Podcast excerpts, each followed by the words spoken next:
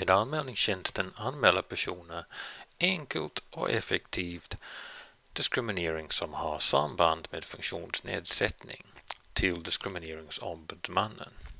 Gäller anmälan bristande tillgänglighet på grund av enkelt avhjälpta hinder kan anmälan skickas till den kommunala byggnadsnämnd ärendet gäller av verksamheten som är ansvarig för hindret. Upplevelsen sparas på anmälningstjänsten som är sökbar och öppet för allmänhet. Processen har fem steg. 1. Du blir diskriminerad på grund av funktionsnedsättning. 2. Du besöker anmälningstjänsten.se på webben och fyller i anmälningsformuläret med vad som har hänt, verksamheten som diskriminerade dig och din kontaktinformation. 3. Du får en e-post för att konfirmera att din e-post stämmer med en länk att följa. Detta för att bekräfta att du verkligen vill göra anmälan. 4. Någon, det vill säga Ola eller Filip på Independent Living Institute, granskar anmälan. 5. Anmälan skickas iväg till Diskrimineringsombudsmannen med dina kontakter, kontaktuppgifter. Den skickas också iväg till kommunen där verksamheten finns ifall den handlar om otillgänglighet. Anmälan skickas anonymt till verksamheten som diskriminerade dig om du har valt det samt publiceras anonymt på anmälningstjänsten. Du får även en kopia av anmälan som har skickats iväg. Ibland publiceras inte anmälan på anmälningstjänsten om den innehåller känsliga uppgifter eller gör att du kan identifieras. Hej Olle. Hej Filip. Artikel 19-projektet och anmälningstjänsten ska vi prata om. Just det. Dagens tema i podden Vems val? Vi tänkte prata om frågor kopplade till eh, självbestämmande, tillgänglighet eh, och eh, det finns ju en väldigt spännande hemsida på Independent Living Institute som heter anmälningstjänsten.se. Så vi tänkte vi ska prata lite om den, vad den kommer in i allt det här, för vi använder ju faktiskt den i vårt projekt som handlar om självbestämmande och att delta i samhällsgemenskapen utifrån FNs konvention om rättigheter för personer med funktionsnedsättning. Även kallad funktionsrättskonventionen. Så Filip, ehm, skulle du kunna berätta lite grann om, om bakgrunden till den så vi förstår vad det är för någonting? Anmälningstjänsten är, är namnet på, på webbplatsen anmälningstjänsten.se. Alltså utan ä? Och den har funnits i över 20 år, anmälningstjänsten, i, i olika former. Den började 1998. Skapades av Adolf Ratzker, grund, grundaren till Independent Living Institute. Hans syfte med den då, som jag har förstått från honom, för jag kände inte Adolf 1998, var att både anmäla diskriminering till diskrimineringsombudsmannen, men då, då var det handikappombudsmannen som Just det hette. Mm.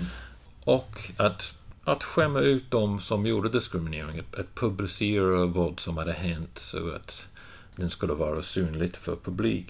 Om du anmäler någonting till diskrimineringsombudsmannen så syns den inte. Det är ju ingen som ser Nej, vad som har hänt. Och det är bara en liten del av de fall som skickas in till dem som de gör någonting med.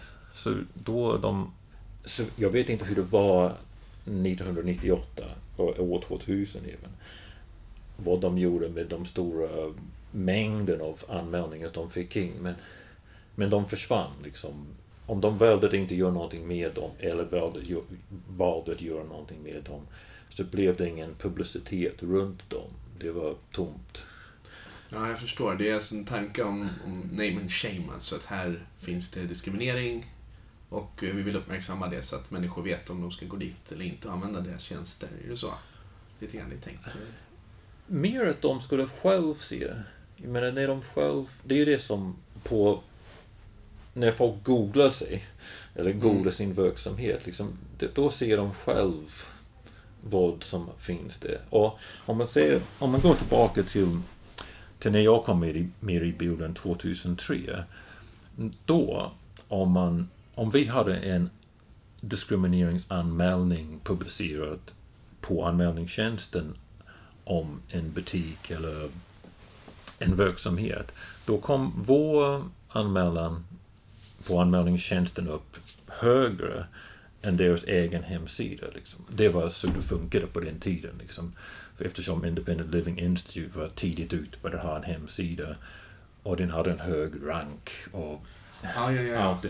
ja. Så liksom, och ibland har de, oftast har de inte ens en egen hemsida om man går tillbaka till 2003. För små butiker hade ingen hemsida. Så då, då var det enda information om den där verksamheten vår diskrimineringsanmälan. Så det var väldigt effektivt. Man, man nådde dem. Det var ju, man nådde inte riktigt människor som skulle besöka dem. Kanske de som letade upp adressen. Men sökte du adressen till en verksamhet så skulle, skulle du förmodligen ha sett diskrimineringsanmälan 2003. Ja.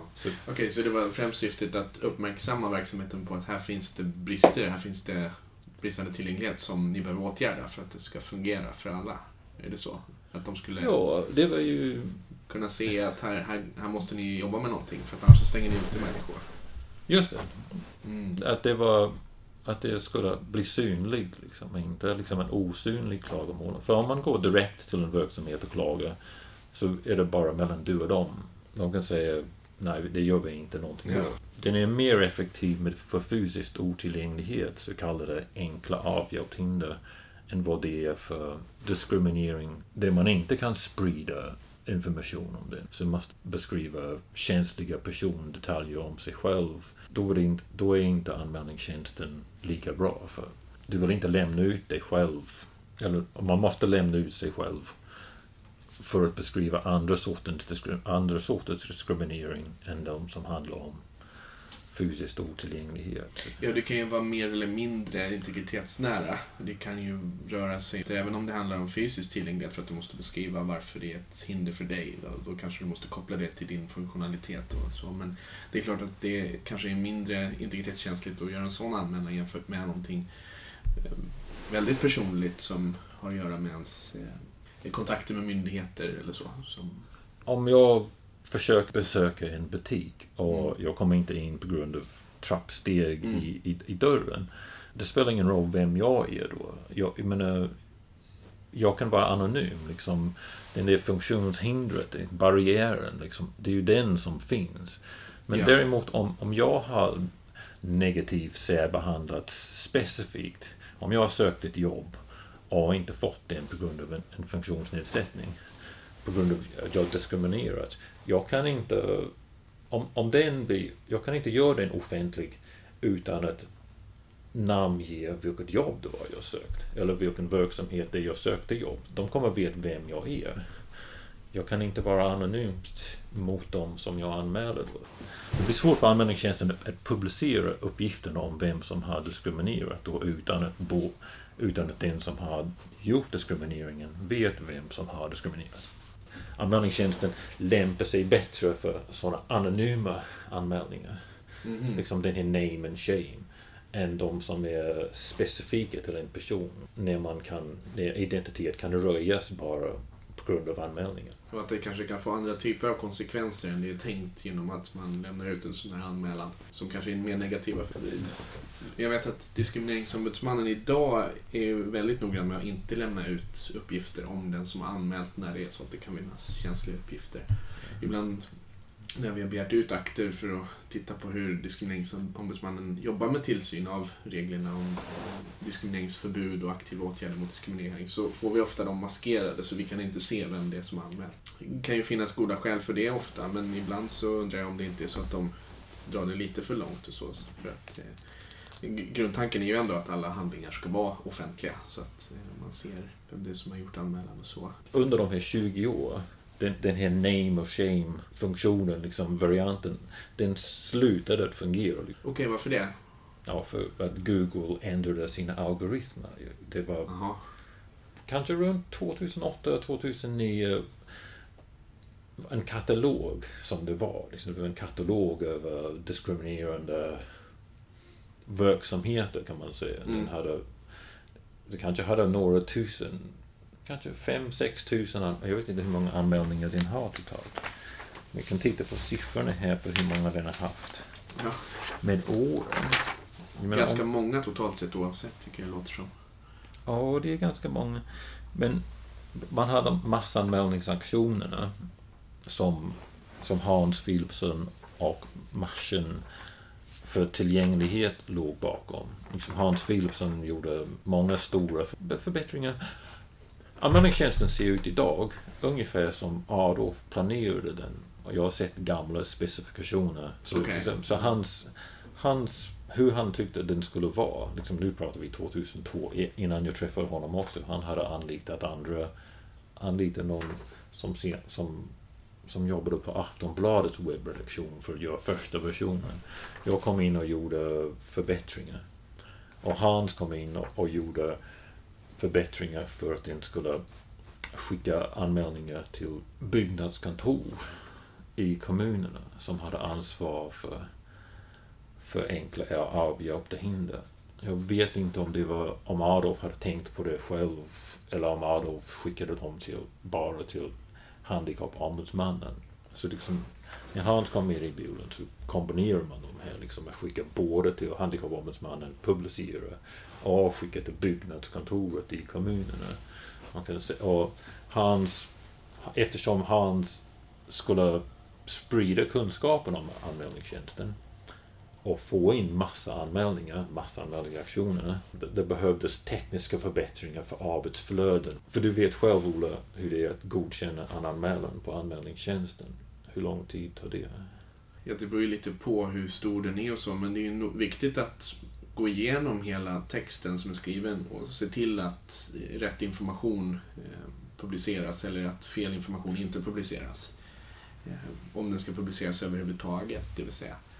Just att vi vill inte att känsliga personuppgifter ska komma ut och att det ska leda till negativa konsekvenser för den som har anmält, eh, framförallt när det gäller Kanske till exempel anställning eller myndighetskontakter och så, när det inte gäller de här enklare eh, Mm. typerna av tillgänglighetsfrågor. Men jag tänkte på just det, du sa ett par spännande saker. Dels det här med marschen för tillgänglighet, som, eh, om jag har förstått det rätt, var en stor satsning, alltså en, ganska stor aktion för att få eh, in i lagstiftningen att bristande tillgänglighet är en form av diskriminering. Just det. Alltså att innan den här marschen ägde rum och och innan vi såg lagändringen som trädde i kraft 2015 med bristande tillgänglighet som en form av diskriminering i lagstiftningen så var det inte per definition olagligt att eh, ha sådana här typer av brister i tillgängligheten ur ett diskrimineringsperspektiv. Det var inte diskriminering enligt diskrimineringslagen, men det var, Nej. det var förbjudet enligt plan och byggnadslagen. Varför var det viktigt att få igenom den här ändringen då? För att om man rapporterar någonting till, till, till kommunen, för liksom, om det är plan och byggnadslagen, bara du, är- du är jurist, liksom, du förstår det bättre än mig, men om man rapporterar någonting, som, så, här, så här har jag förstått det efter alla år. Om man rapporterar någonting till byggnadskontoret, till, till kommunen, då sitter kommunen där och de bestämmer om de ska följa upp den eller ej. Om, och sen kan de besöka det som du har klagat på, liksom inspektera den. Och så kan de, det första de kan göra är, är vita på dem på verksamheten. Liksom, de kan bestämma liksom, att någonting borde göras. Här borde vi ha en ramp. Och då kanske blir det en ramp, kanske blir det inte en ramp för man kan inte bestämma vem det är som är faktiskt ansvarig på det. Liksom är det gatukontoret som är ansvarig på trottoaren som måste, måste reda ut nivåskillnaden för att det är ju trottoar, trottoaren, gatan som, är, som duger inte om det finns nivåskillnad. Eller liksom är det butiken som har ett, ett trappsteg.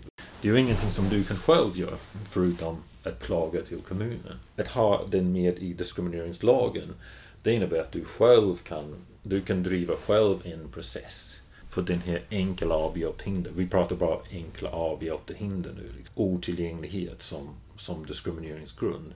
Du kan själv driva processen och få, och få kompensation, pengarna från, från den diskriminerande parten.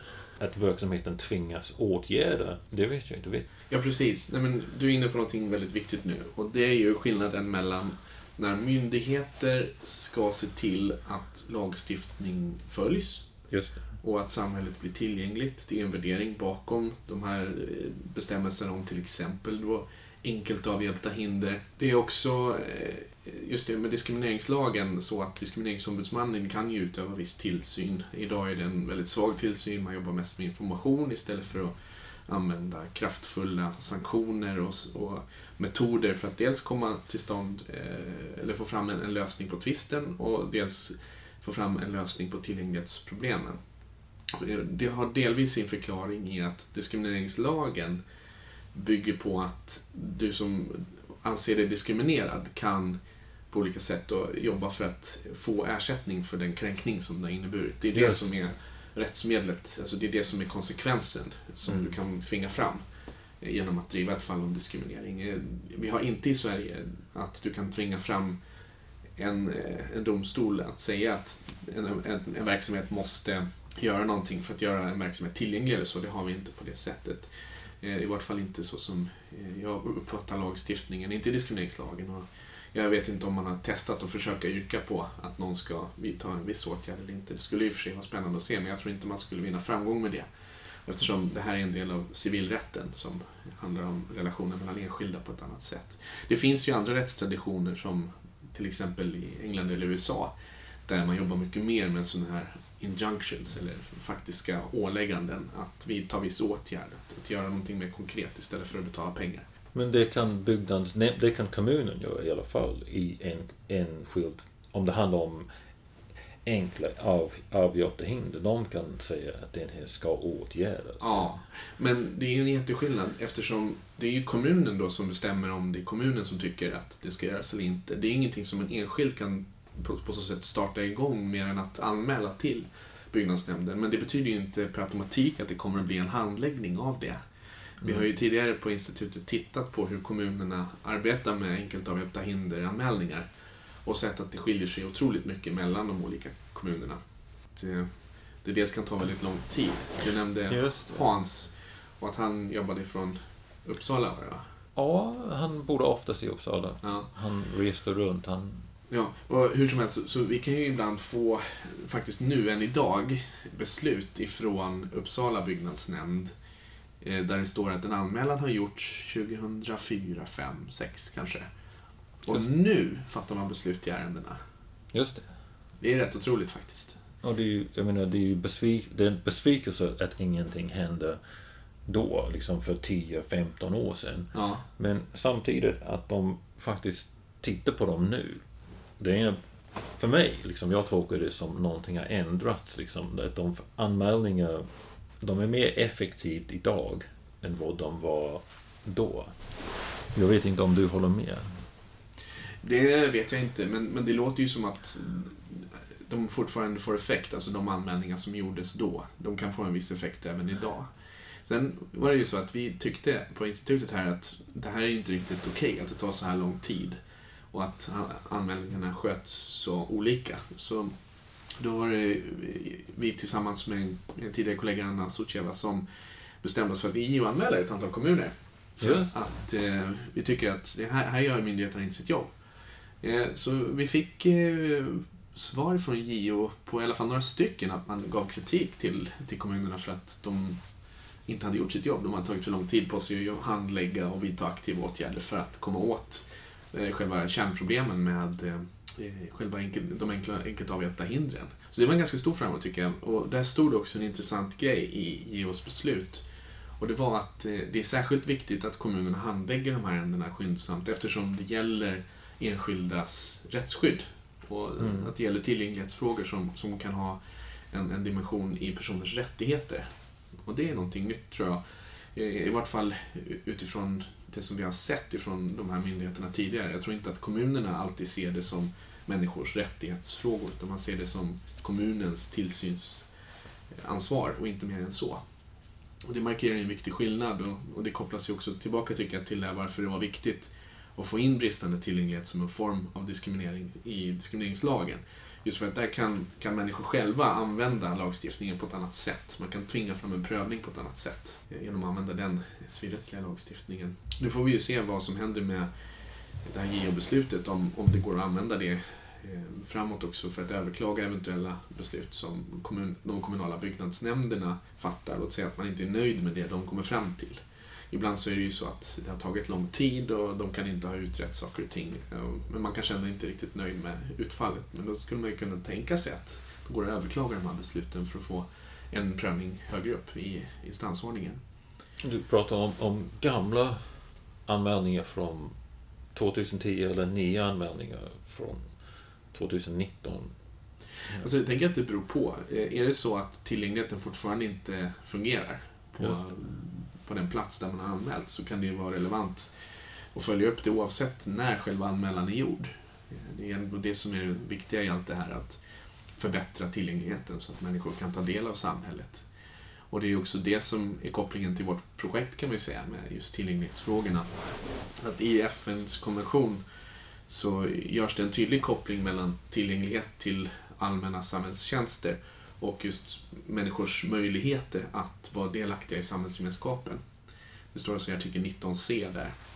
Eh, så det är väldigt tydligt att, att det här handlar om mänskliga rättigheter och eh, om man, man kan inte separera tillgänglighetsfrågan som en enskild sak utan det handlar om ett mycket större perspektivskifte egentligen om att se människors eh, olika sätt att fungera som en del av den mänskliga mångfalden och man behöver bygga samhället ut efter det så att människor kan vara delaktiga. Konventionen om rättigheter för personer med funktionsnedsättningar den har två artiklar, artiklar som tar upp tillgänglighet. Man har artikel 19 som har den som, som ser en av tre, den tredje mm. punkten. Och så har man artikel 9, 9 som, är, som handlar om tillgänglighet specifikt. Liksom. Vad, är, vad är det för skillnad mellan de här två? Artikel 9 är mycket mer detaljerad och specifik i exakt vad det ska handla om. Artikel 19c nämner mer i förbigående att tillgänglighetsfrågorna är en viktig del av det som artikel 19 handlar om. Det vill säga rätten att leva självbestämt i samhällsgemenskapen. Alltså att mm. inte leva segregerat, att inte leva avskilt. Att inte stängas ute ifrån saker och ting. Det, det, är på något sätt det som är skillnaden. Det är samma sakfråga men det upprepas i ett sammanhang av just den här större rättigheten.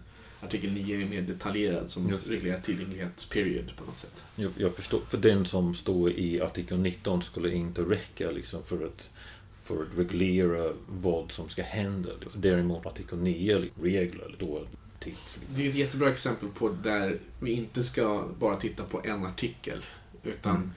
där, där vi måste förstå konventionen som en helhet och läsa bestämmelser på flera platser för att förstå varför det är viktigt och vad, vad det materiella innehållet är för någonting. Så det är en bra poäng att vi måste läsa artiklarna tillsammans. 19 och 9 måste förstås tillsammans. Och även andra artiklar också. Till exempel artikel 5 handlar om diskriminering och där finns det ju ett förbud emot att inte vidta skäliga åtgärder för tillgänglighet. Och det kan vi koppla till eh, den svenska regleringen om bristande tillgänglighet som en form av diskriminering. Det ingår delar av det där i. Och det är också då ett resultat av både FN-juridiken men också marschen för tillgänglighet och att man eh, gjorde en så pass bred samling och, och, och en stor kampanj för lagändringen. Så det gav ju verkligen resultat. Det är intressant att se samspelet tycker jag. Jag tänkte, för dig som jurist, en bra diskrimineringsanmälning på anmälningstjänsten, vad ska den innehålla? För de som tänker anmäla någonting. Ja, det viktigaste i en bra anmälan det är att det är tydligt vad det är som har hänt och varför det som på något sätt har hänt är diskriminerande.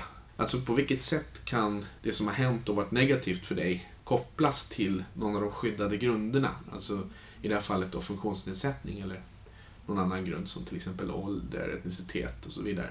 För annars så går det inte att se det som en diskrimineringsfråga. Då kanske det är en en orättvisa förvisso, men det är inte en diskrimineringsfråga och då måste vi titta bortom diskrimineringslagstiftningen och titta på andra saker. Eh, så det är otroligt viktigt att det är tydligt att det kan kopplas eh, det här missgynnandet, den negativa effekten och din funktionsnedsättning och det säger jag eftersom det är det som skyddas i lagstiftningen. Det är väl det viktigaste skulle jag säga. kopplingen mellan det som... För det är det som den har använts mest för. Mm. Men när man ser anmälningar som inte handlar om fysisk tillgänglighet, som, som handlar om liksom negativ särbehandling specifikt mot en person, liksom jobbsituation, kontakt med hälsovården. Sådana anmälningar, de är oftast mer komplicerade. För då, ja, det är de som, som jag undrar liksom, hur man borde tänka när man utformar. Ja, om vi tar ett arbets, eh, en arbetssituation som exempel. Mm. Så um, kan det ju se ut på olika sätt när människor upplever att eh, man har blivit orättvist behandlad eller diskriminerad. En väldigt tydlig skillnad kan ju vara att om en person söker ett jobb och blir bortvald på grund av att den inte har rätt kvalifikationer till exempel, fast personen kanske själv upplever att den har det, men kanske Mm. inte enligt annonser och så. Då kan det upplevas som en orättvisa att bli bortvald.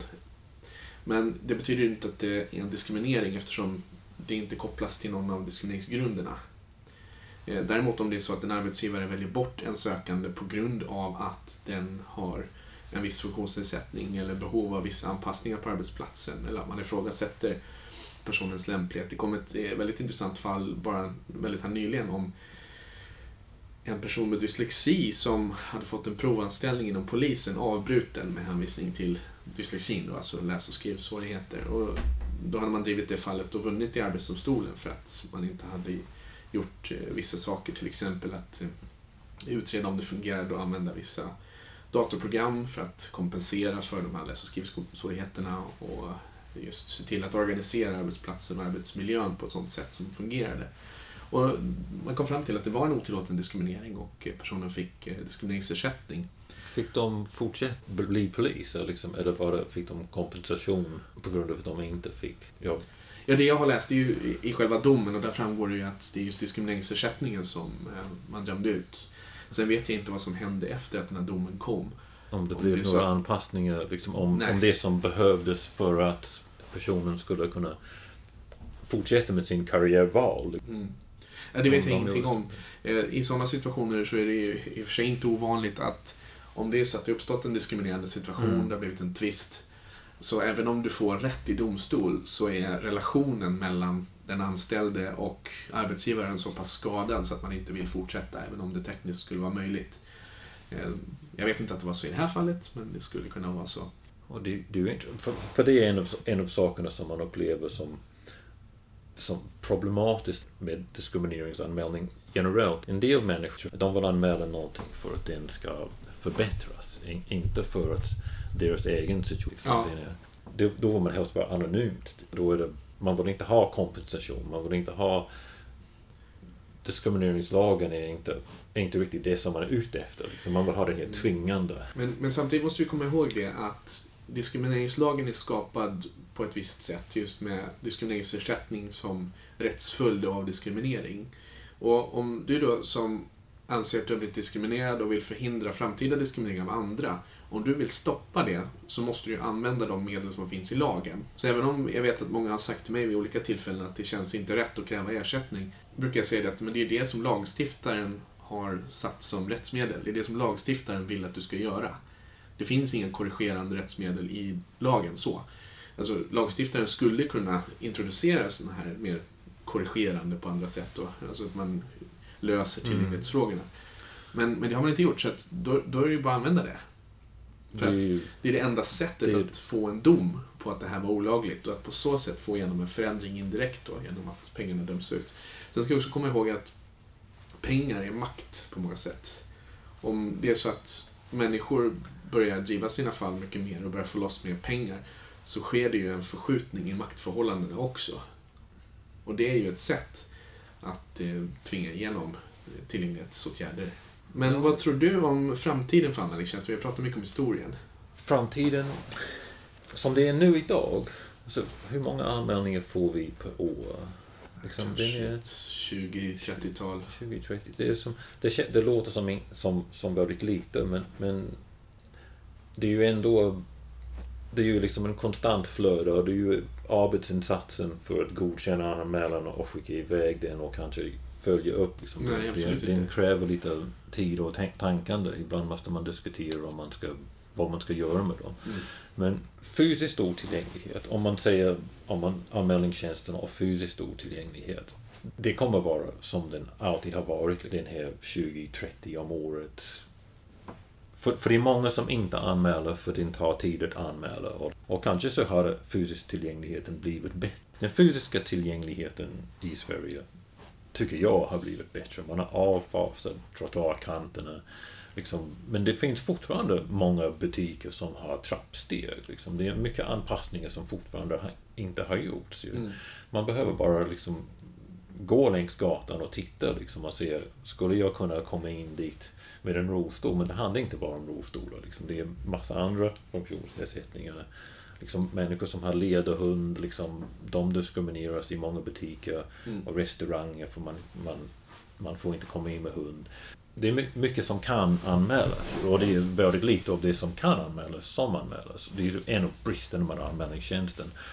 Om man säger även om de här massanmälningsaktionerna det var ändå bara en liten del av gatorna som inspekterades och massanmäldes. Liksom, som var en av problemen. Liksom, att det var godtyckligt vem som blev anmäld och vem som inte blev anmäld. Men den andra som, som skulle kunna anmälas bristande självbestämmande och bristande delaktighet bo på till exempel gruppboenden skulle kunna anmäla att deras rättigheter har nekats. Mm. Och det är ju någonting som vi har diskuterat att göra i projektet och det tror jag vi kommer att göra. Men jag är inte säker på det. att anmäla ja, bristande självbestämmande. Det är mycket svårare för vi kan inte publicera alla detaljer, personuppgifterna. Så om vi som publicerar för att uppmärksamma att den, här, att den här diskrimineringen sker. Det blir mer arbete från vår sida för vi måste liksom koka ner en anmälan till någon liten anonym snutt. Mm. Finns det ju möjligheter att publicera sånt som även är känsligt. Men det kräver ju ett eh, aktivt och informerat samtycke från den som har anmält. Så att om, om vi skulle vilja jobba mer så, så finns det inga formella hinder mot det. Sen kanske vi inte gör det i alla fall, men vi kan alltid fundera på det. Och Det beslutet, arbetsbördan, ja. om en person godkänner att man publicerar någonting som är det man lämnar ut deras funktionsnedsättning liksom, eller, eller även liksom den kränkande behandling som de har, upp, de har de, kanske, de kan godkänna liksom att den publiceras nu men om sex månader kanske känner de inte för att publicera den. Liksom, för det, det är ju kanske löst eller inte löst eller liksom någonting har förändrats. Eller det kan även handla om en, en nära släkting. Jag tänker till exempel på Uppdrag granskning som var nu ganska nyligen där det handlade om ett fall där en person har farit mycket illa i en gruppbostad. Man har blivit inlåst och har inte kunnat gå ut sådana här saker. Det är ju alldeles hemska berättelser som kommer fram. Mm. Men det har ju publicerats och det har kommit till stor medieuppmärksamhet. Sådana här fall kan ju anmälas till IVO, alltså Inspektionen för vård och omsorg.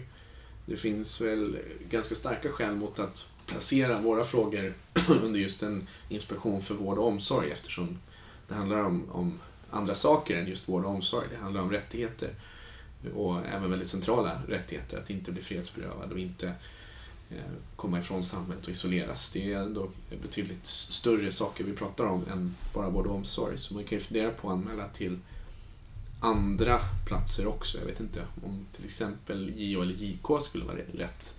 Det är någonting vi kunde utreda också och titta på. De här är saker som skulle också kunna, kunna anmälas till Diskrimineringsombudsmannen. i diskrimineringslagen mot diskriminering inom socialtjänst och LSS och sådana saker. Så det är klart att det går att anmäla dit.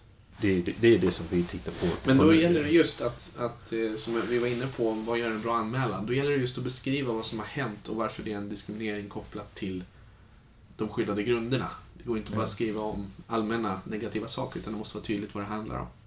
Alla gruppbostäder, residential institutions, är liksom inte independent living. De är... Det behöver vi också tänka på.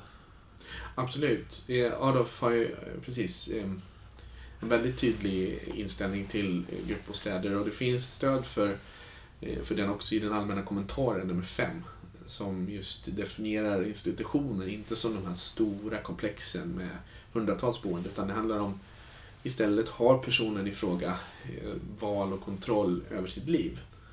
Och det står även att en institution kan vara en enskild lägenhet om det är så att serviceformerna är förtryckande och inte tillåter val och kontroll och delaktighet i samhällslivet. Då är det en, en form av institution som man måste motverka. Men just den här om man, om man tvingas bo ihop med andra människor som, Ja. har, som har samma funktions, som har funktionsnedsättningar, liksom, då är det en definition av institution. Och, liksom, och det är ju det som bostäder är, är, är frågan om de... Om man, om man har själv valt att bo i en viss boendeform, om man, har, om man har tvingats bo i en gruppboende, då är det institution.